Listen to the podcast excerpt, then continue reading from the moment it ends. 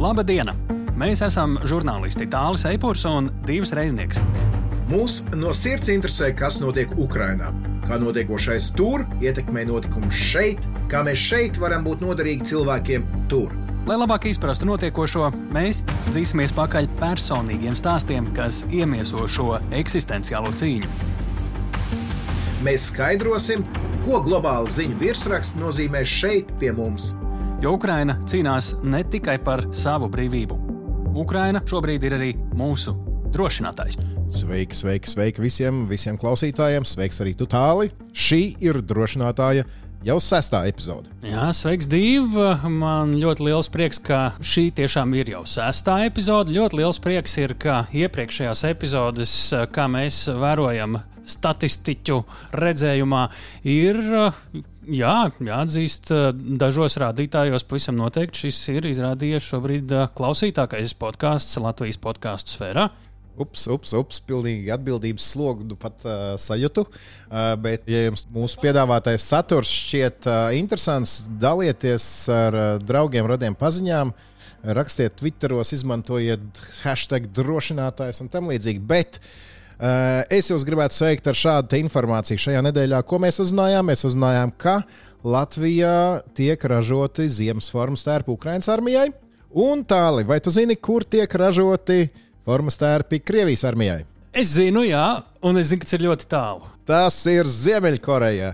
Es teiktu, ka šobrīd ir tāda laimīga pastarp, pastarpināta cīņa starp Latvijas un Ziemeļkorejas militāra apģērba ražotājiem, un es tur viss sīkšs un esmu visai pārliecināts par to, ka mūsējie būs labākie. Pavisam noteikti sociālajos tīklos varat paši atrast ziņas par to, kā Latvija tajā iesaistās. Bet... Mēs tā ļoti augstprātīgi gan vispār sākām šī, šīs dienas epizodi. Bet, nu, izstāst, par ko mēs šodien runāsim. Viens no stāstiem mums būs par latviešu karavīru Ukrajinā, kurš, starp citu, arī tiek apgādāts tepat no uh, Latvijas lielties. Nu, un, uh, jā, atvers Aniņš, cilvēks, kurš ļoti godīgā stāstā mums izstāsta gan par savu personīgo motivāciju, kāpēc viņš ir nonācis Ukrajinā gan par reālajām kara niansēm, kas var būt dzīvības vērtē, gan arī par tādu lietu kā nauda, tā izskaitā. Jā, viņi iesauka kara laukā esot cash vai piķis vai nauda. Tas man izklausās īpaši ieintriģējoši. Tas vairāk podkāstu otrajā pusē, bet jāsāk mums ir ar ko tradicionālu un sekojot līdzi jaunākajiem notikumiem. Jā, tieši tā mēs nu, jau kā ierasts sazināsimies ar politoloģi, un analītiķi un komentētāji Kristīna Bērziņa Vašingtonā. Šobrīd viņa, jāsaka, ir tieši notikuma epicentrā, jo nu pat, nu pat Amerikā ir notikušas starptermiņa vēlēšanas. Tās ir tās, kas notiek starp prezidenta vēlēšanām, kad tiek pārvēlēti daudz, jo daudz politiķi. Un kādēļ mums tas ir svarīgi? Tādēļ, ka Amerika ir lielākā, pārliecinoši, pārliecinoši lielākais Ukraiņas donors. Vai šīs vēlēšanas būs ko mainījušas, par to mēs parunāsim ar Kristīnu. Bet jāsāk. Mūsu saruna ar Kristīnu būs ar ziņu, kur aplidoja visu pasauli trešdienas vakarā. Paziņojums no Krievijas aizsardzības ministra par Hersonu. Sveika, Kristīna! Sveika, Kristīna! Sveiki, sveiki! Nu, ko ļoti demonstratīvi un ar pamatīgu montāžas vai vismaz iepriekš sagatavotas vai iestudētas darbības vai tekstu piegaršu. Sergejs Šoigu, Krievijas aizsardzības ministrs, ir devis pavēli ģenerālim Surovikinam atvilkt Krievijas karavīrus no Dņepras labā krasta. Citiem vārdiem, faktiski tas nozīmē Helsinas pilsēta. Tas pārliecinoši lielākā un galvenā daļa, un ar lielu apgabalu okupēto daļu un lielu uzvaru Ukrainai brīdī, kad tas notiks Un ja tas notiks, kāpēc tā saku? Šobrīd tas ir tikai paziņojums, jo dzīvē tas pagaidām līdz šim īstenots, varbūt daļēji jau, bet tomēr uh, faktiski līdz galam nē. Ko mums šis paziņojums nozīmē? Ja izpilda tādu atkāpšanos, tad tā būtu liela uzvara Ukrainai. Helsinas pilsēta bija lielākā pilsēta, kuru iekrita okupantu rokās kara sākumā, un eh, vienīgā apgabala galvaspilsēta. Ja Helsinas pilsētu atgriež Ukrāņu rokās, tad tā ir gan simboliska, gan faktiska uzvara. Ukrainas centieni atgūt savu teritoriju, īpaši nozīmīgās pilsētas, šī stratēģija būs veiksmīga bijusi. Un ņemot vērā asiņainās kaujas pie Helsonas, tad tam visam ir bijusi jēga. Tas liek domāt par vēl dziļāku Krievu ierakšanos Dņepras otrā krastā, vai varbūt tas liek domāt par daudz smagākām cīņām citos frontes punktos, pavisam citās vietās, par ko man raksta karavīri, kur tur karo. Kara darbība turpināsies daudzos punktos. Krievijas interesēs, absolūtās interesēs ir noturēt Krimu un uh, arī savienojumu starp Lielo Krieviju un Krimu. Un tādēļ teritorija, kas ir upes otrā krastā, ir ārkārtīgi svarīga un to reģionu centīsies noturēt. Tīri strateģiski Krievijai tā būs prioritāte un to vairāk tagad šobrīd Ukrainas krasta pusi to gan varbūt var atļauties palaist, kā lai noturētu to zemes tiltu arī turpmāk starp Krieviju un Krimu. Un kāds signāls šāds paziņojums var būt nu, vispirms Ukrainai un tās sabiedrotajiem, un tikpat svarīgi, kādas sekas tam var būt Krievijas iekšienē, cik dziļas plaisas šāds paziņojums un, cerams, arī rīcība var atstāt attieksmē pret tur valdošo režīmu un turpat iekšpolitiski. Ukraiņas draugiem nu, dabīgi šis ir ļoti pozitīvs paziņojums. Kā to uztvērs Krievijā, tur man liekas, ir grūtāk saprast. No vienas puses, atkal Krievija piekāpjas, tas no Kremļa viedokļa varbūt nav labi, bet pēdējā laikā bija izskanējušas arī lielas kritikas arī no kara Krievijas karavīriem par to, cik milzīgi zaudējumi ir frontes līnijas un pēc mobilizācijas. Varbūt Kremlim un eh, arī ģenerāļiem bija jāatskaitās vairāk par to, cik lieli ir Krievijas zaudējumi. Un Helsonas pilsētas atkāpšanos attaisno ar to, lai samazinātu kritušo skaitu Krievijas pusē. Varbūt ar šo arī Šoigu un uh, Suruvikuns izskatās tādēļ varbūt atsaucīgāki gan uz karavīru rūpēm, gan arī uz Krievijas tautas rūpēm. Ka Kremlis parāda kaut kādu cilvēcīgāku seju ne jau Ukraiņiem, bet savai tautai. Ja pazaudēs, tad labāk pazaudēt ar mazāk zaudējumiem, nevis vairāk. Nu, laiks otrajai tēmai, ko mēs varam secināt par ASV prezidenta vēlēšanām tieši Ukraiņas kontekstā, ilgtermiņā un garākā termiņā. Kongresa vēlēšanās, kuras notika šonadēļ, demokrātiem bija labāki rezultāti nekā bija gaidāmi. Vēl dotajā momentā nav skaidrs, cik ir pazaudētās vietas apakšējā palātā un senātā, bet bija prognozēts, ka varētu būt milzīgs republikāņu sarkanais vilnis kurš būtu varējis atņemt Baidena demokrātu partijai ļoti daudz vietas kongresā. Ir skaidrs, ka tas nav noticis. Un, ja republikāņiem pieaug vietu skaits kongresā, tad tas pieaugums ir mazāks uh, nekā tas būtu varējis būt bijis. Ja ir uh, republikāņu vairākums apakšpalātā, uz ko varbūt sliecās šobrīd rezultāti, tad varētu būt grūtāk izvirzīt cauri ekonomisko atbalstu un uh, citus tādus jautājumus Ukrainai. Te, te ir skaidrs, ka ieroču atbalsts, militārais atbalsts Ukrainai arī turpināsies jaunajā kongresā. Jaunais kongress sāks darbu jaunajā gadā. Atliek pāris mēneši, kuros vēl var arī izstumt cauri citas atbalsta paketes Ukrainai. Un ir runa Vašingtonā par to, ka tieši šajos mēnešos, pirms jaunā gada sākuma, centīsies izvirzīt milzu ekonomisko atbalsta likumdošanu, un, lai varētu tagad uz nākošajiem diviem gadiem nodrošināt ekonomisko atbalstu Ukrainai un lai to zem jaunā kongresa un īpaši prezidenta priekšvēlēšanu laikā nebūtu jāceļ atkal ekonomisko atbalstu jautājumu. Uh, Ukrainas jautājums izspēlējās tādā ziņā, ka Ohio štatā J.D. Vents, kurš bija negatīvi izteicies par atbalstu Ukrainai tika senātā. Tā tad būs vēl viena skeptiska valsts balss senātā, tas ir skaidrs. Bet nav bijis tāds vilnis, kas varētu tik ļoti dramatiski visu nobremzēt. Varbūt būs jābūt tagad mērenākām ambīcijām, bet uh, nav bijusi zemestrīce. Un, ja salīdzina, piemēram, ar Obamas pirmo termiņu, kad uh, kad demokrāti zaudēja vairāk nekā 60 vietas apakšējā palātā, tad Baidenam ir bijusi stabilākas starptermiņa vēlēšanas. Ievies lūdzu nelielu skaidrību tā īsumā Latvijas klausītājiem. vai tiešām mēs varam uzskatīt, ka lūk, visi demokrāti ir um, par atbalstu Ukrainai, visi republikāņi ir pret atbalstu Ukrainai? Jo parasti jau ir tā, ka mēs dzirdam tos skaļākos uh, saucienus, um, teiksim, tā spektra tālākajās daļās. Nav tik vienkārši, ka visi demokrāti ir par atbalstu un visi republikāņi ir pret tālajā kreisajā pusē, demokrātu partijai, un tālajā labā pusē, republikāņu konservatīvai partijai, tur rūk atbalsts Ukrainai. Un jebkādiem starptautiskajiem jautājumiem, kā tādiem. Ja skatās kreisās puses kreisajā galā, tad miers kā vērtība tiek ļoti augsti cildināts. Ja? Un tajā gadījumā ļoti uzsver to, ka vajag cik vien ātri iespējams radīt miera stāvokli Ukrajinā. Tur mazāk ir uzsvars tam, nu, ar kādiem nosacījumiem. Un otrā galējībā, republikāņu partijas labajā galā, tiek uzskatīts, ka Amerikai būtu arī jāatbalsta tikai Ameriku, savus jautājumus jānodrošina īpaši dienvidu robežu ar, ar Meksiku, un kad citi starptautiskie jautājumi ir mazsvarīgi un par tiem nevajag tērēt naudu. Bet, protams, ļoti daudz tieši ieroču ražošana notiek republikāņu štatos. Un tādēļ var sagaidīt, ka noturēsies atbalsts tieši militāram atbalstam Ukrainai un NATO.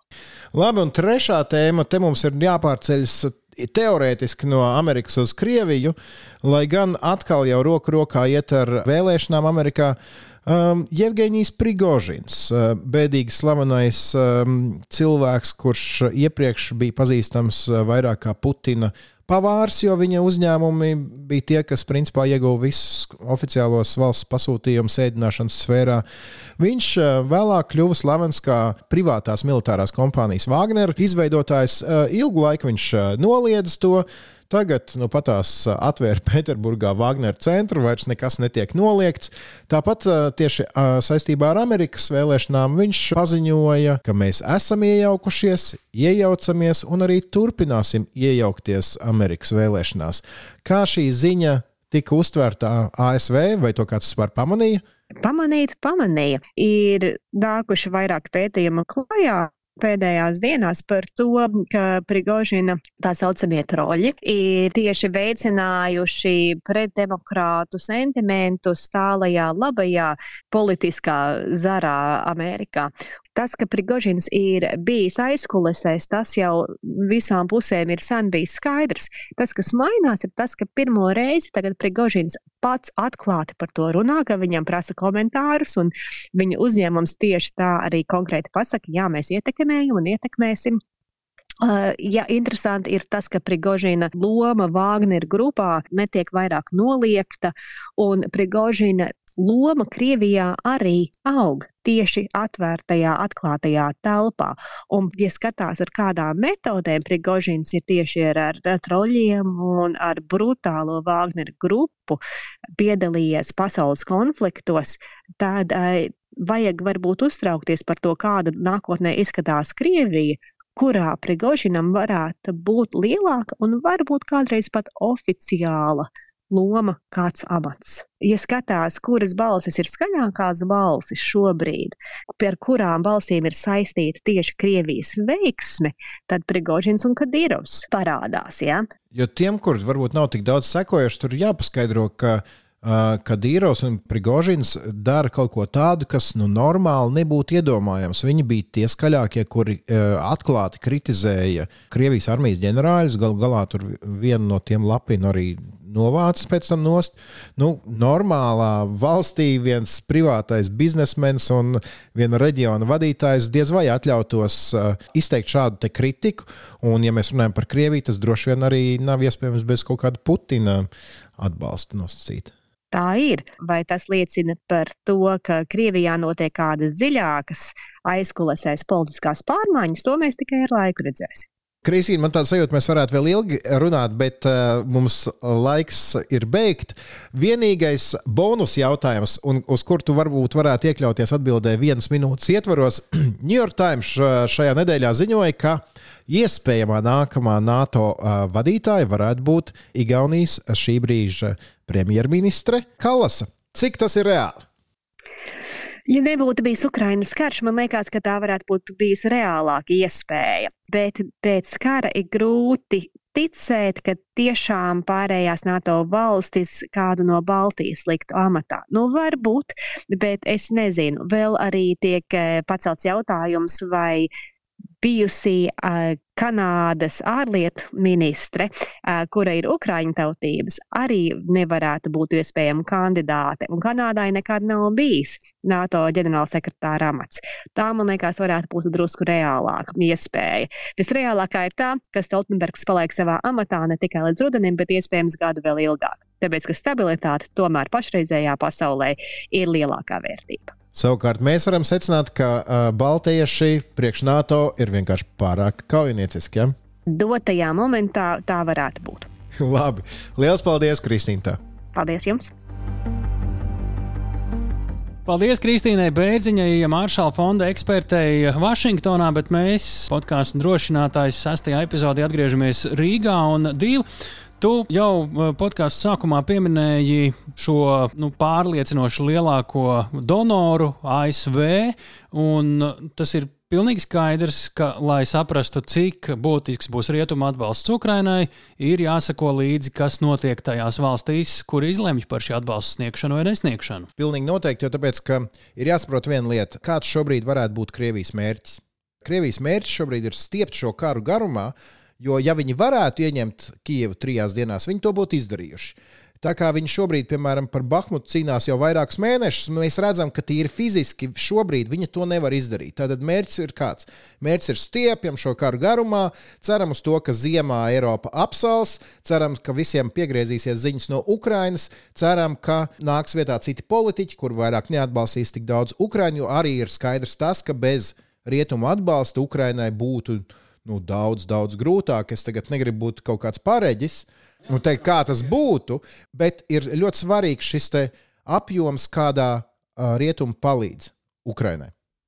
Nu jā, un tas, ko tu saki par Krievijas garumā vilkšanu, mēs redzam, ir jau protesti, tā teikt, vai streiki Parīzē, Atēnās un tā tālāk. Tāpēc ir ļoti vērīgi jāskatās, kas notiek katrā no valstīm un uh, kāds ir tas reālais atbalsts, ko katra no valstīm uh, ir līdz šim sniegusi un kā tas var mainīties. Jā, un ir ļoti dažādi veidi, kā mēs varam rēķināt šo atbalstu. Mēs varam rēķināt, teiksim, tā kopējo dolāru, eiro vai grivnu izteiksmē, un tad mēs redzam skaidrs Amerika pašā priekšā. Tad mēs varam rēķināt no aizsardzībai atvēlētā valsts budžeta, proti, cik daudz naudas, ko Latvija bija paredzējusi savai armijai, tā ir devusi Ukrainai.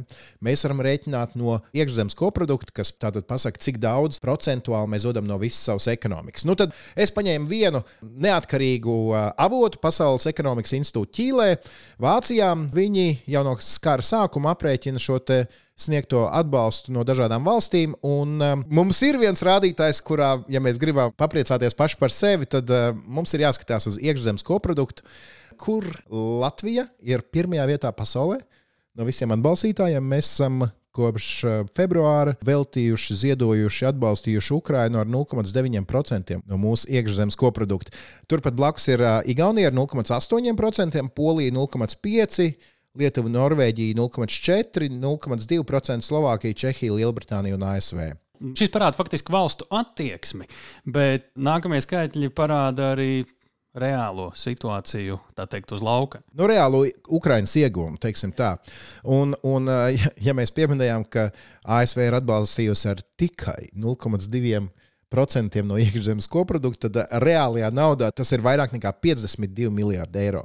No tiem apmēram puse ir militārā palīdzība. Tātad Amerika ir absolūts līderis, jo nā, kā nākamie lielākie atbalstītāji ir Eiropas Savienības institūcijas - 16 miljardi, no kuriem apmēram 12 miljardi ir tieši finanšu palīdzība. Lielbritānija ir trešā ar 6,5 miljardiem, lielākoties militārā palīdzība, un Vācija aptuveni 3,3 miljardi, un tur visai līdzīgās daļās militārā, humānā un finansiālā. Daudz palīdzība. kritizētā Vācija paskatījās. Ja? Jā, tieši tā, un tad seko Kanāda, Polija, Norvēģija, Francija un Itālija. Itālija, starp citu, Itālijas gadījums arī interesants. Nu, patās tur bija vēlēšanas, pēc tam tika izveidota valdība, kas ir nu, labējākā iespējamā valdība kopš Otrā pasaules kara. Un Maskava uz to lika lielas cerības, ka līdz ar varas maiņu apsīks arī itāļu atbalsts Ukrainai, taču izrādās nē. Jaunā premjerministra, starp citu, pirmā sieviete Itālijas premjerministra amatā, Meloni, viņa paziņoja, ka gatavo jaunu ieroču sūtījumu uz Ukrajinu, kurā būs iekļauts arī pretgaisa aizsardzības sistēmas. Maskava cerēja, ka mainīsies vara, vara mainījās, bet tas uh, otrais Maskavas cerību stariņš nepiepildījās. Itālijas atbalsts Ukrainai nemazinājās. Nu, līdz ar to mēs redzam, šis atbalsts ir uh, vitāli svarīgs.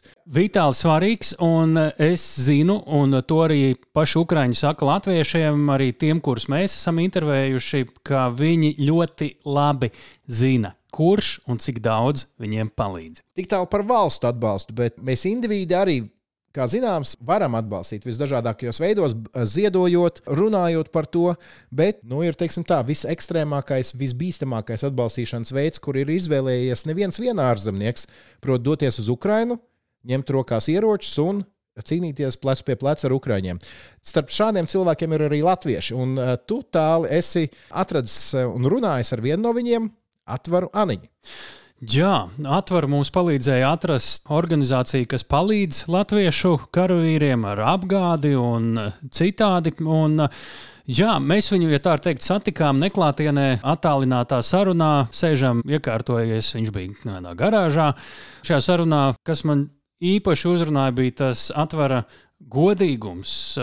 Viņš neslēpj ne tās vājības, ne arī tās savas vērtības, kas viņu ir aizvedušas uz Ukrajinu kur dēļ viņš tur reāli šobrīd piedalās kara darbībā. Par to, kādi cilvēki vispār dodas karot uz Ukrajinu, atver skatījumā. Kāpēc viņš Facebookā, piemēram, ir nobloķējis savu māmu, cik liela ir alga Jā, nepārklausījāties alga par karošanu, un arī kā viņu mēģināts ir izspiegot, un ko viņš no tā ir uh, izspēlējis tālāk.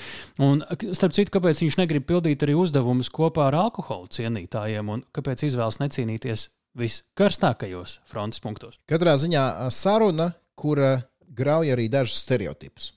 Pavisam noteikti, un iedveš arī tādu skarbu realitātes piedevu par to, kādas izvēles Ukrainā šobrīd ir vienam karavīram. Bet nu, tālāk beigsim runāt. Es esmu ieinteresēts. Klausamies sarunu ar Atvaru Aniņu. Sveiks, Atvar! Mm -hmm. Sveiks! Kā tu teiktu, kas tu esi par cilvēku? Es lasu par atvaru Aniņu, kurš ir zemeņu audzētājs, kurš ir vai ir bijis, to tu pats precizēsi, karavīrs. Kā tu saviem vārdiem teiktu? Karavīrs es esmu bijis visu laiku. Tā ir mana tā pirmā profesija. Nu, kaut kā to motīvu dēļ, nu, viņi ir izvēlēti, nu, attiecīgi pie tā ceļas tā kaut cik esam pieturējies. Un vienlaicīgi es nu, teiksim, tāds nevienkāršais karavīrs. Nu, teiksim, es mēdzu būt pietiekami tieši, darīt šo to pa savam. Teiksim, manam komandierim par mani mēdza sāpēt galva. Kāpēc? Tāpēc, ka es darīju tā, kā es uzskatīju par pareizi, nu, saprātīgos apmēros. Nu, es centos tā darīt, nu, lai, lai viss ir ieguvēji, lai viss tā notiek. Bet, teiksim, tur, kur es uzskatīju, ka ir jārīkojas saskaņā ar sirdsapziņu vai kaut par tiem principiem, nu, tur es arī tā ņēmu un baigi daudz uz kompromisiem negāju. Kaut kā tā, tā nekontrolējamība, nu, ka kaut kur tas visu laiku tā lauzās ārā. Man ir kaut kā sajūta, vai jautājums, vai es gribētu būt tavs komandieris. Mēs tavā Facebook kontā lasām par to, ka vēlies izaicināt situācijas, nonākt arī karstākos punktos, droši vien arī plašākā nozīmē, ne tikai militārā. Un lasām arī par to personisko motivāciju, parādīt tēvam, ka vari pieņemt arī pats savus lēmumus. Kā tu teiktu saviem vārdiem, kāpēc tu esi izvēlējies nonākt Ukrajinā, kara darbības zonā? Kas ir tā? iekšējā pasaules motivācija īsumā, kas eh, tā buķetīte, kas eh, tevi tur ir aizvedusi? Droši vien galvenais motivators ir, kad eh, mēdzam jokot, ka tāda normāla cilvēka īsti neatbrauc. Kaut kas kaut kur nav sanācis. Un, teiksim, manā gadījumā nu, mana karjera neizvērtās tāda, kāda es viņu biju plānojis. Attiecīgi arī ģimenes dzīvē kaut kas bija tāds pietiekami sarežģīts. Un tad, attiecīgi, gribējās atrast veidu, kā sevi realizēt, kā sevi parādīt. Nu, teiksim, ja es esmu karavīrs, nu, Latvijai teorētiski pretinieks ir tikai viens. Un saprotot, ka ir bijusi jau tur Grūzija, Ukraina, vēlreiz Ukraina, nu, saprotot, ka uzvarot Ukrainu, nu, kaut kad tā rinda pienāks arī Latvijai. Un tad viss tas tā saliekot kopā, kad tā, tā ideja pietiekami pieņemama, lai par to apsolīto atalgojumu būtu vērts riskēt. Ko par tavu izvēli saka tie, kuri ir tavi tuvākie cilvēki? Pirmie vārdi bija nu, jūtas pirms es aizbraucu, mamma man sanāca nobloķēt. Nu, es viņu vienkārši nobloķēju. Viņa tik, tik ļoti pārdzīvoja, ka es to gandrīz vairs nevaru izturēt. Un, lai man liek netraucēt, bet mēs, nu, es uz mēnesi viņu atslēdzu sālē, viņa nevar, nevar būt sekot, nevar būt pazudīt. Viņai bija grūti. Ar tēvu arī nebija vienkārši, nu, un sieva vienkārši pateica, ka prāti izkūkojas. Zināmā mērā mēs esam kaut kur galīgi cilvēki, lai, lai uz šejienu atbrauktu. Kas bija tava iepriekšējā militārā pieredze? Viņa sākās 18 gadus atpakaļ aizsardzības akadēmijā. Nu, ieguva virsnieku pakāpi. Pēc tam bija pietiekami interesants dienas, tad īsti nesanāca tā, kā es biju domājis, gribējis. Un tad, sākoties 14. gadā tam Ukraiņas konfliktam, es atgriezos zemesardzē. Un tad mūs tur labi sagatavoja teiksim, brauc speciālu uzdevumu vienības karavīru mūs apmācīja. Un tās iegūtās prasības, teiksim, viņas palīdzēja nu, pietiekami droši pieņemt lēmumu, ka es esmu pietiekami labi sagatavots, lai riskētu uz šejienes atbraukt. Misijās kādās paguvi būt? Nē, gribējās kaut kur tā nonākt, bet zemesardzē mums tas dienas bija pārsvarā kaut kādas 40 dienas gadā no pamatpienākumiem brīvajā laikā. Nu, tad sapratu, ka no zemesardzes nu, visticamāk tur nenokļūšu. Un tad bija arī interesi nu, pa pamēģināt citādā veidā. Teiksim, esam dzirdējuši, cik mēdz nopelnīt privātie tie karavīru kontraktieri. Nu, bija interesi arī iegūt tādus kontaktus, lai varētu apsvērt arī iespēju šādai karjerai. Kas ir tava specializācija? Kas ir tas, ko tu esi trenējis, apguvis, zini vislabāk militārajā ziņā? Mēs bijām izlūki. Mūs mācīja kā, kā izlūks, kā partizānus. Pietiekami brīvi pārvalda, nu, gandrīz visus ieročus. Ieročus pārzina. Mm. Jā, nu, Klau, kāda tad ir tā vēsture, Kā tev sanāca tieši nonākt Ukrajinā, kā tas ir attīstījies, kā tev ir klājies no tā brīža, kad tu izlēmi tu braukt uz Ukrajinu? Sanāca ka iepriekšējo ziemas pavadīju Anglijā strādājot. Man patīk nedaudz tādu piedzīvojumu, tad es pastrādāju vienā vietā, labi nopelnīt, es varu dzīvot kādu laiku tā, kā es gribu. Tad atkal jāskatās tālāk, kur atkal var nopelnīt, lai varētu dzīvot tā, kā es gribu. Un tad sanāca, ka atgriežoties no Anglijas, tad nākošajā dienā sākās karš. Un tad jau bija tāds sajūta, ka man vajag būt tur, te. Mm -hmm. Bija vēl kaut kādas saistības jāizpild, tīri simboliski atpirkos, atsūtīja naudu medicīnas vajadzībām. Un tad, kad beidzās mana zemeņa sezona, nu es sapratu, ka man atkal ir kaut kas jādara. Ideja par Ukrajinu man bija ļoti pievilcīga. Stāsti, kā tu atradi to savu vietu tur, Ukrajinā, to ceļu daļu. Bra, braucot ārā no Latvijas, ir, ir tāda organizācija Latviešu vienība Ukrainā. Viņa ar ziedojumiem ļoti labi mūs apgādā, rūpējās, nu, teiksim, iedod mums, apgādā viss, kas mums ir vajadzīgs, un pasaka, kur mēs varam aizbraukt. Pirmais plāns bija nonākt Karpats Sečā pie tur, kur latvieši ir vairāk, tur, kur jūras jūraši. Es ar Juru mēģināju sazināties, sazinājos, bet viņš kādas sešas vai septiņas reizes man atšķīra, lai tur nebrauc, ka tur ir bīstami. Un tad es domāju, ka es braukšu tāpatās, tur, nu, ja nepalīdz, nepalīdz, darīšu pa savām. Es pietiekami viegli un ātri iepazīstos.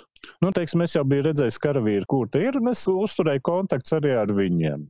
Un tad uh, ir Krists no starptautiskā leģiona. Es uh, viņam uzrakstīju, viņš teica, vai brauc šurp, un nākošā dienā tev jau būs kontrakts uz galda. Nu, tad, kad es atbraucu, man bija ļoti svarīgi, uz, nezināju visu to situāciju, man bija ļoti svarīgi uzreiz dabūt tās sociālās garantijas. Ja nu kas, lai man ģimene ir pasargāta, lai saņemtu viņu kompensāciju par manu neveiksmi tīri teorētiski, ja man būtu tas iznākums neveiksmīgs, tad iespējams es varētu justies pietiekami gandarīts, saprotot, ka par savu ģimeni es esmu parūpējies. Tu ik pa laikam piemini arī Facebookā ierakstos naudas stāstu. Es nezinu, cik daudz par to var stāstīt. Varbūt par to nevajag stāstīt. Par ko te ir runa? Tas ir kontrakts, tie ir finansiālie kaut kādi konkrēti nosacījumi, kas ir tad, ja tu beidz būt, vai tas arī ir atalgojums, kas to maksā? Jā, par to var stāstīt pietiekami brīvi.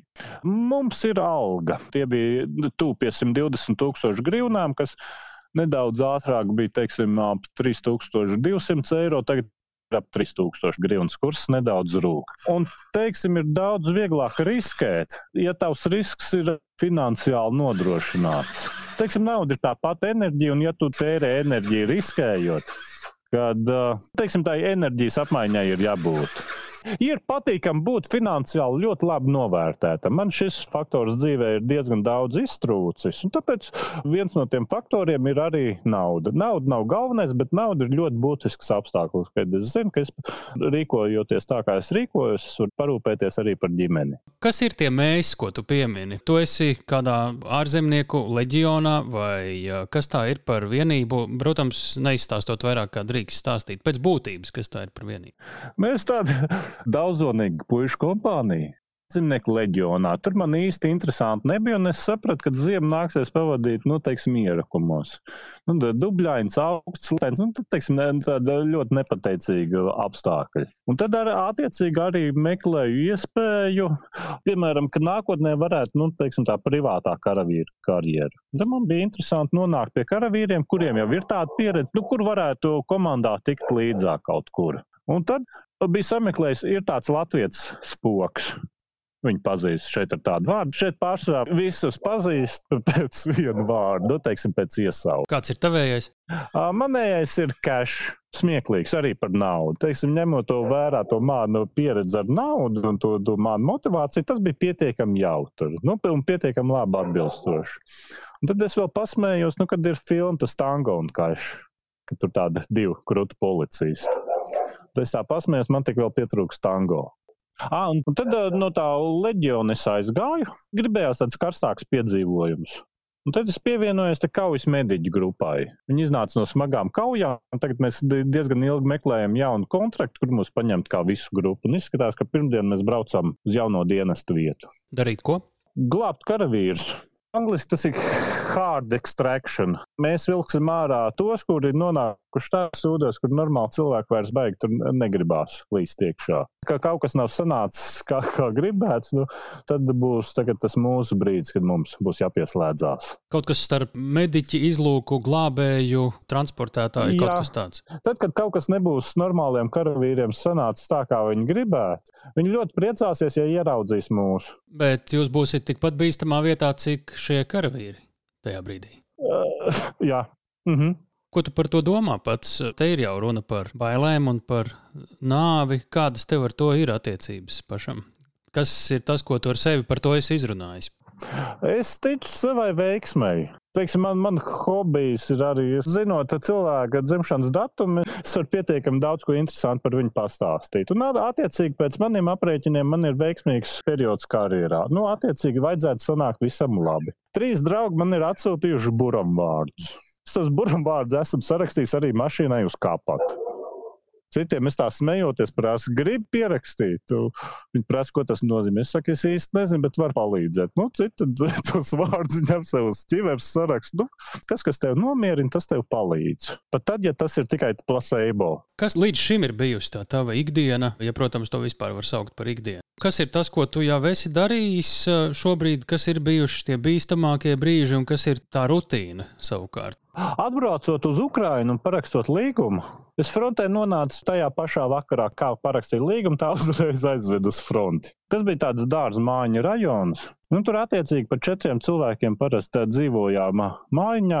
Kaut kādas divas nedēļas tas galvenais uzdevums bija aiz upes novērot pretinieku un vienlaicīgi nekādīgi neparādīt, ka tajā mājā, kurā tu dzīvo, ka tu tajā dzīvo. Lai tev no gaisa no tie droni lidojušie, lai viņi tev neierauga. Vajadzēja arī pietiekami daudz disciplīnas, paskatīties gaisā, tur paklausīties, vai nekas nelido. Nu, bija karavīri, kuriem patika arī alkohols. Puisiem ir pietiekami laba alga, meklē kaut kādas izklaides. Attiecīgi, alkohols ir gandrīz izklaide numur viens. Tur, kur bija alkohols, tās mājas ņēma un sabombardēja. Nu, tā kā tādi nedaudz saprātīgāki cilvēki. Viņi saprata, nu, tur, kur ir alkohols, tur diezgan drīz seko paaugstināts risks, ka to māju pietiekami konkrēti ņem un bombardē.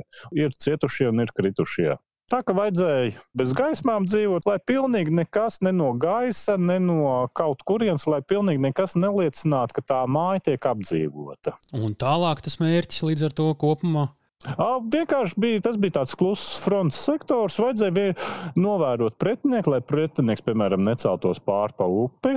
Un vienlaicīgi pašiem slēpties, būt pietiekami disciplinētiem, nu, lai par tevi nesāktu šaut. Nu, kaut kur tās apšaudas, viņas pārsvarā kaut kādu kilometru, puskilometru reizēm bišķi tuvāk bija. Nu, tad pirmā diena, kad es ierados, nu, dzirdēju tādu neganu šņācienu, bija uzreiz zemē. Nu, bija man ķiveri, bruņvesti. Tas tas standarts, ko visiem karavīriem iedod frontē puiši pasmējās, ka es tā baigi ātri nokritu. Viņi teica, nākamreiz var skatīties, kad mēs krītam. Tad, kad mēs krītam, tad tev arī ir jākrīt pie zemes. Bet tā, pēc katra šāviena, nu, ķip nevajag raustīties. Kāda tā loģika viņiem? Viņiem jau pietrenēta dzirde, viņi saprot, kurš lido tālāk. Nu, teiksim, aizlidos kilometru tālāk, tas tev neapdraud. Apdraud tas, kurš krīt jau nu, 100 metru rādījusā ap tevi. Tas, kas lido pāri, par to nav jāuztraucās. Par to uztrauksies citi. Cik bieži tu esi redzējis reālu pretinieku, kurš vēl nav sagūstīts, ir aktīvs karotājs? Normāli karavīru pretinieku redz reti. Pārsvarā šis ir artērijas karš. Tiklīdz tevi tavu grupu ierauga ar dronu, tā diezgan bieži uzreiz seko artērijas apšaude. Nu, artērijas apšaude tas nozīmē, ka tev netālu krīt kaut kur 10, 20 kg. Nu, smagi tāda lādiņa, kad nu, 10 kg trotils kaut kur blakus nokrīt nu, ar šķembām, mēģina tevi nogalināt. Nu, tāpēc ir ļoti svarīgi ir ierakties, būt nedaudz izkliedus, baigi nečupoties kopā, nu, lai viens lādiņš netrāp daudziem karavīriem. Nu jā, mēs sociālajos tīklos redzam, droši vien, ka tu arī redzi daudz video ar to, kā Ukrāņi dažādām metodēm, ar artēriju, ar stugnām, ko tik vēl ne, sašauj vienu okupantu pēc otra. Tehniku, cilvēkus, objektus. Ļoti maz mēs redzam to, kādas grūtības ir pašiem ukrāņiem. Vai tu no savas skatu punkta vari izstāstīt to loģiku, kāpēc tas tā ir? Karavīram ir daudz patīkamāk rādīt savu uzvaru nekā tos brīžus, kad viņam ir bail, tad, kad viņam iet slikti. Pie normāliem cilvēkiem arī, ja cilvēkam iet slikti, tad viņš to baigi nepublicē. Tiklīdz viņam ir kaut kas labi, kaut kas veiksmīgi, tā viņš to biežāk nopublicē. Ukrāņiem arī zaudējumi mēdz būt pietiekami smagi. Nu, ir tie karstie frontes sektori tagad pie Helsinas un pie Bahmutas. Pats uz tiem sektoriem es, es īsti neraujos. Nu, kas ir tavs brīdis, kuru tu negribi, lai citi ierauga, varbūt, vai kur visgrūtāk būtu publicēt, dalīties tajā? Bija tā Harkivas operācija, otrā diena gāja. Mēs sarga, bija no Latvijas piegādātās pašgājēji haubits, tādu milzīgu lielgabalu skāpuru ķēdēm. Un tad mūsu uzdevums bija apsargāt šīs mašīnas. Tad pirmo dienu mēs šāvām no savas frontes sektora, savā pusē strādājām. Un nākošā bija jābrauc tur, kur bija pretinieks. Sākot to kustību uz priekšu, mēs pēc kaut kādas stundas, nu, teiksim, pirmā naktī jau bija tāda sārdzes bijusi, nu, tāda, tāda viegli nervoza. Nākošajā rītā mēs bijām tādi noguruši. Nu, es tā biju tur aizmugurē sēžu, viegli klanos. Nu, šofers, kad šoferi kā parasti bišķi vairāk varēja gulēt, nu, lai viņiem tā, nu, mēģināja viņiem to dzīvi atvieglot. Un tad tāds kaut kā tā kā elektrība iedzēla, nu, esam iebraukuši mīnu laukā. Nu, mēs redzējām, ka braucam garām bruņmašīnai, kurai ir norauts priekšējais ritenis. Tā parasti ir tāda baigta drošā pazīme, kad priekšā ir mīnu lauks. Kad pirmā detaļa, kas brauc pa zemi, kā uzspiežās uz tādu mīnu, un tā tā mīnas sprāgs un rauj tur visu nost. Mēs pabraucām tālāk, nu, kaut kādas 300 metrus iebraucām iekšā. Izrādījās, ka tur tās mīnas nav pietiekami daudz, nu, kaut kādas trīs uz ceļa bija ierakts. Un mēs viņām tā, nu, cik tur nu, 20, 30 centimetrus varbūt tā blakus viņām nobraucām. Es pēc tam paķiķināju. Man priekšā tāds liels grūzīns sēdēja. Nu, es, es aiz viņa muguras sajūtos pietiekami komfortabli. Pēc tam atradāt tās mīnas vai kā? Izgrozījāties un. Ja mēs kaut kādas trīs mašīnas tur iebraucām, un tad kaut kādas desmit palika ārpusē. Tas drošais veids ir iet atpakaļ pa savām pēdām. Tad mēs pagājām pa tām pēdām atpakaļ, redzējām, kur viņas tās mīnas ir ierakts. Viens puisis brīvprātīgi pieteicās viņus. Viņus izrakt, nu, raksturs viņam bija tāds, es teiktu, izcils tīzels, nu, tāds ne, nepatīkams. Bet tad, tad, kad viņš gāja tās mītnes izrakt, es sapratu, nu, normāls džeks. Jūs viņu visi mīlējāt, jā? Ja? Jā, nu, nu, kad uh, bija tāds jautājums, kurš māk izrakt mīnus? Es domāju, nu, kādreiz mācībās ir darīts, muški jāmēģina. Viņš tā, nu, labi, es iešu, nu, ķip zinu. Viņam sanāca. Un mēs tam mierīgi apskatījāmies ap mašīnām, tad tā mierīgi apgriezāmies un izbraucām. Nedaudz nomierināja tas, ka blakus bija labības lauks. Mīnas nevar ierakt tā, ka viņas nepamanītu. Labība tad būtu izbraukāta. Tas ir tāds fizisks smags darbs, kad visur ir jābraukā, jāpievērta tās, mīnas klāt. Attiecīgi saprat, ka, ja tas lauks ir neizbraukāts, tad mīnas nav, ka metru tālāk jau ir droša zona uz sānu. Tu pieminēji to Bahmutu, pieminēji Helsonas apkaimi, kur šobrīd norit viskarstākās kaujas, un arī tos sociālajos tīklos var lasīt, ka, protams, ka ir iespēja uzreiz aizbraukt uz to pašu Bahmutu, bet nu, tur ar artēriju nosedz plašus un koncentrētus laukus ļoti intensīvi. Tur tiešām ir ļoti, ļoti, ļoti bīstami. Ir ļoti, ļoti liela iespēja vienkārši tur arī palikt. Tu saki, ka tas gluži nav tas, ko tu izvēlies šajā karā teiksim, ir um, tie pašsaglabāšanās instinkti. Viņi tā kā piedāvā, nu, tīri labprātīgi tur tā aiz savas deksmas, gluži tur netriecies iekšā. Nu, ja kādreiz nonāks sūdos, nonāks, nu, tā ir daļa no mūsu profesijas, tāpēc pats speciālis turien neprasies. Teiksim, to darbu mēs mēģinam atstāt tā kā Ukraiņiem, ka tā ir viņas zeme, nu, kad viņi ir, teiksim, gatavi vairāk riskēt. Un tad, kad artērija pat tevi šauj, tas parasti ir kaut kādi desmit artērijas lādiņi, Un uh, artērija parasti šauj pa laukumu 250 metri reizes 50 metri. Un tad parasti viņi noklāja tādu laukumu. Un tad nepaveicās, ja tu esi šajā laukumā. Ja tu esi ieracies, tās izdzīvošanas iespējas pieaug nu, pietiekami būtiski. Tad tu to savu misiju, un arī es pieļauju, daudzi ārzemnieki to savu misiju redz, kā cik vien var atbalstīt, bet uh, nevienmēr ir jāiet tajās uh, vis, vis, vis nāvējošākajās vietās. Cik es ar ārzemniekiem esmu bijis? Nu, visi ir bijuši jau tajos karstajos punktos, un tad uh, pašos bīstamākajos. Un tad mēdz arī no tiem punktiem aiziet. Mēdz būt grūtības ar ukraiņu komandieriem, kad uh, tāds autoritīvs vadības stils es pateicu, un jūs davai dariet, nu, kad rietam cilvēki, kad viņi īsti tādi nav tāda metode īstenībā mums nedarbojās, ka mums tā mierīgi jāizstāsta, vot mēs darīsim to, tāpēc, tāpēc, tāpēc. Mums tagad ir jāsargājās, lai pārējiem ir droši, lai pārējie var iet uzbrukumā vai vēl kaut ko darīt. Nu, tāds izskaidrojošais darbs ir jāveic. Un ja komandieris īsti neapmierina vai neapmierina tā vide, kurā tu strādā, tad, piemēram, kad tu redz, ka puiši tavā vienībā tur diezgan daudz dzer vai pīpē zāli, un tu saproti, ka tas traucē izdzīvot, nu, kad tu sāc meklēt veidus, kā vienkārši no turienes notīties. Normālie pašsaglabāšanās instinkti sāk strādāt. Ko tu esi sapratis par to, ar ko atšķiras tas, kā karo Ukraiņi? Kā karo krievi un kā karo rietumnieki. Dzirdēju, ka Ukrāņu komandieris stils ietver ļoti plašu mācības vārdu krājumu. Visus tos sadzīves notikumus var izskaidrot nu, tajā leksikā. Daļai karavīri tas nav pieņemams. Nu, ja tu esi normāls cilvēks, tu vari normāli izskaidrot. Nevis tur nevis pateici, un tad tur seko tur pāris minūtes ar vārdu krājumus, kurus parasti izlaiž ar to pīpā uz. Bet šis nav pat vispārinājums. Tā ir tāda reāla pieredze, ka tā pārsvarā arī ir ar tiem ukrāņiem. Vai kā tur ir? Ar krieviem ir iespējams pat vairāk. Mums bija ar vienu komandieru, viņš tur šādi tad lamājās. Tur viens kolēģis teica, nu šis ir gandrīz vai paipuisīts. Nu tā, kad jau uz to skaidrojošo motivēšanas darbu, ka viņš nedaudz tikai lamājas. Viņš teica, un pārsvarā iet. Es pateicu, jums ir jādara, un tad tur seko tā mēdz būt tā ikdiena. Ir vēl viena lieta, ko tu vēl pirms sarunas teici, pajautā par spiegiem. Ka tā ir lieta, kur tev ir ko teikt. Par ko ir stāsts? Es savus piedzīvojumus aprakstu. Pieņemsim, ka tā ir tā mana psihoterapija. Tad tas man palīdz saglabāt to veselo saprātu un cerības, ka es varētu pēc kara atgriezties arī pietiekami normāls cilvēks joprojām. Un tad tā, man uzrakstīja dāma, viņas iepazīstināja sevi kā spāņu žurnālisti. Teica, ka viņai ir interesanti un ka viņa gribētu kā, tur raksts uzstājas, nu, video, kad grib, viņai patīk redzēt, saņemt, nu, tā lai es pastāstu. Es nedaudz pastāstīju, kā mums tāda dzīve notiek. Un tad viņa atsūtīja 200 dolārus. Dolāri atnāca tādā interesantā veidā, tā kā no offshore. Tas jau liktā nedaudz It kā no spāņu žurnālistiem no Eiropā pārskaitīt no eh, vienas Eiropas Savienības valsts uz otru, nu, vajadzētu būt vienkārši. Tur jau sākās tāds interesantais. Tad viņi sāka uzdot jautājumus par tēmu, kas tik specifiski, kad jau iziet ārpus žurnālistikas. Nu, kad jau sāk, sāk rasties aizdoms, vai ir žurnālists vai spiegs. Tad viņi teica, ka strādā Spāņu valdības uzdevumā un cenšas viņu iegūt pieredzi, kā viņas ainas nofilmēts un kā var mācīties. Un es teicu, ka vajag GoPro kameras vairākas, jo, ja gribi nu, iegūt pieredzi, nu, tur vajag ieguldīt līdzekļus.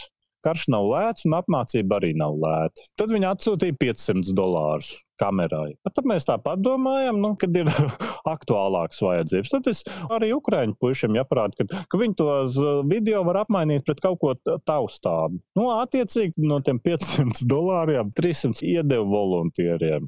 Nu, viņi uzreiz tur pārtika var saprast, tur kaut kāds zābaks ir apgāde. Un tad tā spāņu žurnālisti bija tāda ļoti rupja. Un tad es viņai puspa jokam atbildēju, nu, nebūtu mēs te, kad nevar izslēgt, ka viņas mammai var sanākt nepatīkams randiņš ar krievu karavīru. Nu, un viņai tās interesi bija tik specifiska. Viņa gribēja tur viens iekārtas instrukciju. Nu, es tā pasmēju, nu, ja jūs gribētu viņu nopirkt, tad, kad jūs no amerikāņiem viņu nopirksiet, noteikti jums iedod līdzi arī to instrukciju. Pagaidām jums tā instrukcija ir nevajadzīga. Latvijā par šo tēmu arī izglītoja par tiem sadarbības piedāvājumiem, par to informācijas sniegšanu sniegšanu, kad tiklīdz jau sākās ļoti specifiski jautājumi par vienu tēmu, nu, tad ir skaidrs, ka tā tēma ļoti, ļoti interesanta. Viņai ļoti interesēja Himars. Nu, es teicu, nu, tur Himars video ir ļoti neinteresanti. Smagā mašīna aizbrauc, viens šāviens, nu labi, varbūt seši šāvieni, nu aizbrauc tālāk.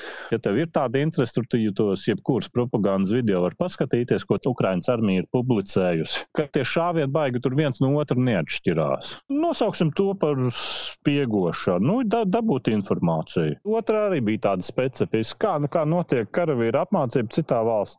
Nu, es tā pajokoju, nu, tas būtu kā paprasīt, nu, kā, nu, kā notiek seks citā valstī. Nu, visās valstīs tas notiek pietiekami līdzīgi. Parasti tur valsts no valsts neatšķirās pie karavīra sagatavošanas un apmācības. Jā, tā viss ir kara pieredze. Nu, teiksim, 700 dolārus mēs no viņas dabūjām. Nu, varējām degvielu sapirkt, apgādi, nu, pašapgādi, nu, darbojās diezgan lielā mērā kaut ko tev iedod, un kaut ko tu mēģini organizēt pats, lai ir kaut kas labāks. Nostrādāja latviešu pretizlūkošanai. Jā, veselais saprāts. Ukrainai izdosies pateikt pilnībā okupantus.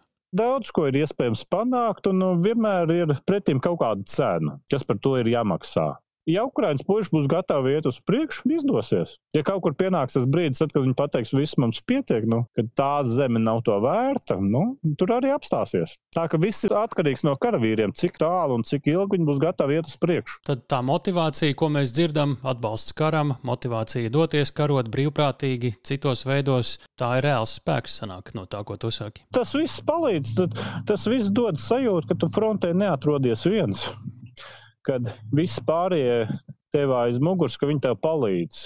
Man bija, piemēram, interesanti, stipra aizkustinoša pieredze, kad pēc fronts aizbraucot pie zobārs, ka zobārs man par brīvu sniedz savu pakalpojumu. Bija dzirdēts, ka tā dara, bet tad, nu, man, man patīk tā attieksme, kad, kad sajūta, ka visi, katrs kā var, tā dara un palīdz viens otram. Tā dalīšanās, nu tad kopā, visi kopā mēģinām. Katrs dara to, ko var.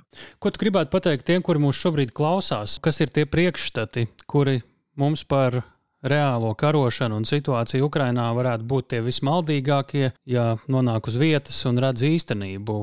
Ir ļoti patīkami, ka tev mājās ir elektrība, ka tev mājās ir gāze, un pat tad, ja tas ir neganti dārgi. Tas joprojām ir ļoti patīkami. Ukrainā bieži vien nav tā apkūra, elektrība mums arī tagad sāk apslēgt. Nu, tās uh, elektrostacijas bombardē. Tīri ar barbarismu nodarbojās Krievi. Cenšas panākt tā kā artisko ziemu. Tu saki, ka to novērtēt būtu ļoti, ļoti vērtīgi. Tas būtu vērtīgi novērtēt. Jo faktiski mēs arī atrodamies karā. Ja pareizi sapratu, no Latvijas aizsardzības budžeta 40% tiek atvēlēta Ukrainai. Ja tu gandrīz pusi no sava aizsardzības budžeta tērē karā, tas nozīmē, ka tu reāli atrodies karā. Latvijā tās bumbas nekrīt. Tas ir ļoti patīkami. Ko mums te novēlēt?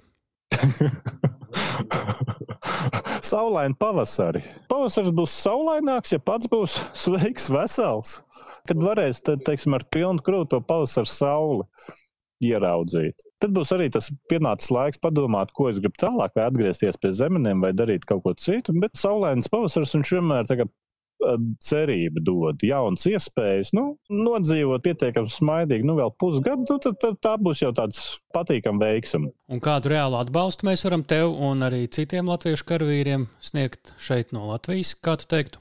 Ir Latviešu vienība Ukrajinā, Facebookā, sabiedriska organizācija. Un tur ir iespēja ziedot naudu. Dāvans var būt arī neliels, tur eiro, 5 eiro, 10 eiro. Nu, tad kopā tas salasās. Un patīkam, ka mūsēja mūs atbalsta. Mēs kā latvieši esam šeit nu, diezgan ekskluzīvi apgādāti ar visu kaut ko. Ukrāņi puiši par ka viņi ieraug to, kas mums ir atsūtīts, paliek viegli atvērt muti. Tas droši vien būtu atsevišķs stāsts runāt par ekipējumu, par aprīkojumu, bet uh, mums tagad jāsaka paldies.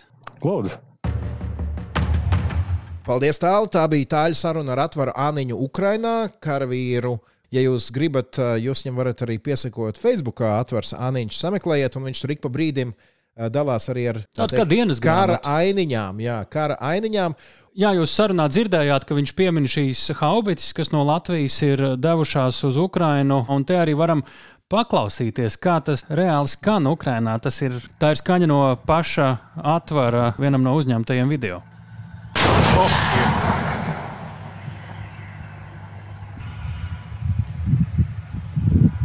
O, šito skatu vajadzētu redzēt. Apmēram vēl ne bliež, ne kaut kāda cita bliež. Rinkevičam ar kariņu. Teikt, šito skatu vajadzētu redzēt Latienē.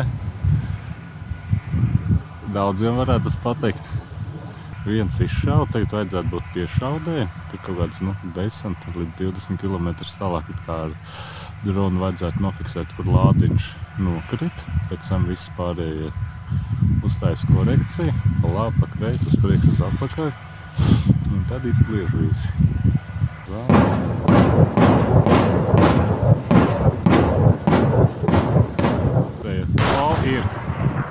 Dālis, ļoti ceru, ka tava saruna ar atvaru ir šobrīd noklausījies arī kāds latviešu scenārists.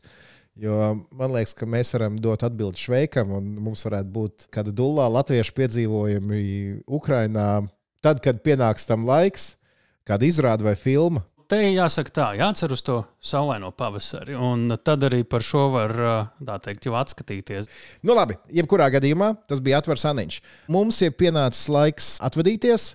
Cerams, ka jums patika, bet es gribu atvadīties ar vienu anekdoti iz dzīves, kā saka. Tad tālāk iedomājies, Krievija, Volgogradas apgabals, Urjupinskas pilsēta, Zīlnieces kabinets. Ienāk vīrietis, kurš baidās no mobilizācijas un grib uzzināt, paņems mani uz fronti vai nepaņems. Atgādini, šis ir reāls tās no dzīves. Jā. Zīlniece, izmantojot taro kārtas, dod viennozīmīgu atbildi. Mobilizācijas ietvaros viņš uz kara darbības zonu nosūtīts tagad netiks. Čalis atvieglot uz velpo, aiziet mājās, bet pēc kāda laiciņa saņem pavēsti par mobilizāciju. Proti, viņam ir jādodas uz fronti. Šis dusmīgs, iztērējis reālu naudu, saniknots, izbijies, aiziet atpakaļ uz uh, zīlnieces salonu, piekāju zīlnieci. Tas, tas izklausās tas... pēc reāla notikuma Krievijā. Klausies tālāk, bet reāli, šis ir reāls stāsts. Zilniece izsauc policiju, policija savāc čali, iemet viņu izmeklēšanas izolatorā un nezina, kad viņu laidīs ārā. Čalis uz fronti neaizbrauc. Priekškars aizveras. nu, nu tādi tādi tie stāsti no dzīves. Nu, tur šādu un līdzīgu stāstu, es domāju, Krievijā šobrīd ir uh, simtiem. Un jāsaka tā, ka, diemžēl, jo mēs redzam, kāda liela gabala, diemžēl, gaļa ir šie mobilizētie simtiem, iespējams, pat katru dienu viņi iet bojā. Un Ukrāņi paši stāsta, ka viņus burtiski dzen uz priekšu, kliedzot urā un ļoti sliktā ekipējumā, apbruņojumā, un komandieri kaut kur aizmugurē tālu. Nu, es teikšu tā, ja viņi ir gatavi atklāti protestēt tikai tad, kad viņi sūta uz fronti, nevis tad, kad, kad karš sākās, tad tā jau ir viņa problēma. Savukārt mums būs problēmas, ja jūs mums nerakstīsiet. Rakstiet mums drošinātājs ēt Latvijas Rādio LV, rakstiet par cilvēkiem, kurus jūs gribētu dzirdēt intervētus, rakstiet par tēmām, kuras jūs gribētu, lai mēs rastu kādu skaidrojumu. Rakstiet atsauksmes, iesakiet saviem draugiem, Twitterī lietojiet hashtag drošinātājs. Katrā ziņā, saprotiet, mēs jau kā tādi radoši cilvēki esam tādi vārgas dvēselītes, un uh, mums interesē, ko jūs domājat. Ai, kā mums interesē, mēs saņemam atgrieznisko saiti un liels paldies par to, ka klausāties jaunu epizodi katru ceturtdienu. Un, ja epizodi tā mums ir iegājies, līdz šim parasti sāk divas, tad es parasti pabeidzu. Atcerieties, drošinātājs skaidri un personīgi par karu Ukrajinā. Nē, tomēr es beigšu. Visu labu! Raidieraksts drošinātājs.